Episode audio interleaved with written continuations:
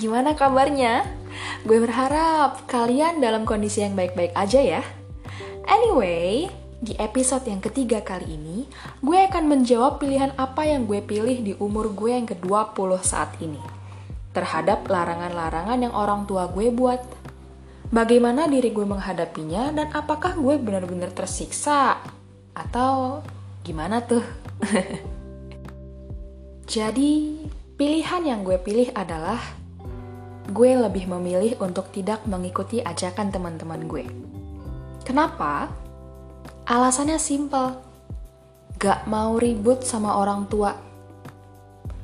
Coba aja bayangin, setiap kali gue dapat ajakan teman untuk nongkrong, atau hangout, atau nonton yang memang gue harus ekstra siapin diri untuk minta izin sama orang tua gue dan 80% udah tahu jawabannya. Ya, gue ambil jalan damai aja deh. Karena buat gue, gak enak perang dingin sama orang tua di rumah. Takut gak dikasih makan. dan saat gue ambil pilihan itu, tentunya ada banyak perkiraan di dalam benak gue. Terus gimana dong Ri sama teman-teman lo? Berarti lo gak asik banget dong ya buat temen-temen lo? Ih diajak sana sini nggak bisa. Perkiraan itulah yang juga menjadi kekhawatiran buat gue. Takut nantinya nggak ada lagi yang suka ajak main keluar. Takut kalau nantinya nggak ada yang mau temenan sama gue karena gue nggak asik banget untuk diajak main keluar. Tapi tapi ternyata kekhawatiran gue itu salah salah besar. Mereka bilang gue gak asik. Enggak juga. Ternyata perkiraan gue salah. Kenapa? Karena gue memberi rasa asik ke teman-teman gue ini dengan cara yang berbeda. Misalnya, dengan mendengarkan curahan hati mereka. Perempuan mana yang gak suka curhat ke temannya sendiri? Hmm? Gue rasa semua perempuan di muka bumi ini suka melakukan hal itu. Dan dari situlah gue memberi rasa asik itu. Gue mendengarkan ceritanya, keluh kesahnya, menampung semua emosi dan kekesalannya. Di situ gue hadir. Ketika mereka membutuhkan saran atau nasihat, hati dan pikiran gue siap membantu mereka. Walaupun Gue sering gak hadir dalam pertemuan secara fisik, tetapi gue hadir pertemuan secara psikis. Dan gimana perasaan gue yang terus-terusan di rumah? Karena lebih pilih untuk nurut sama orang tua daripada ajakan temen gue. Padahal kalau dipikir-pikir, gak ada salahnya ya main keluar sebentar setelah itu pulang. Jujur, ya perasaan gue bosen Siapa yang gak bosan di rumah terus?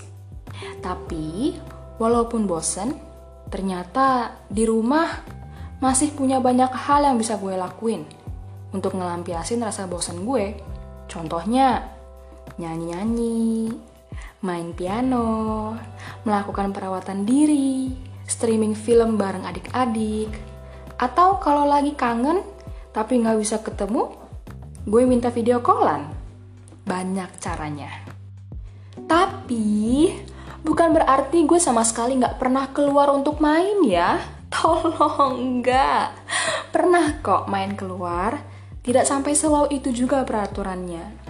Hanya intensitas gue untuk main keluar itu sangat kecil dibandingkan dengan banyaknya ajakan dari teman-teman gue. Saat SMA, bahkan sampai sekarang, gue sering merasa berbeda dari yang lainnya. Tapi gue gak mau dikendalikan oleh perasaan gue sendiri. Karena gue tahu ini semua dilakukan oleh orang tua gue untuk kebaikan diri gue, untuk kebaikan masa depan gue.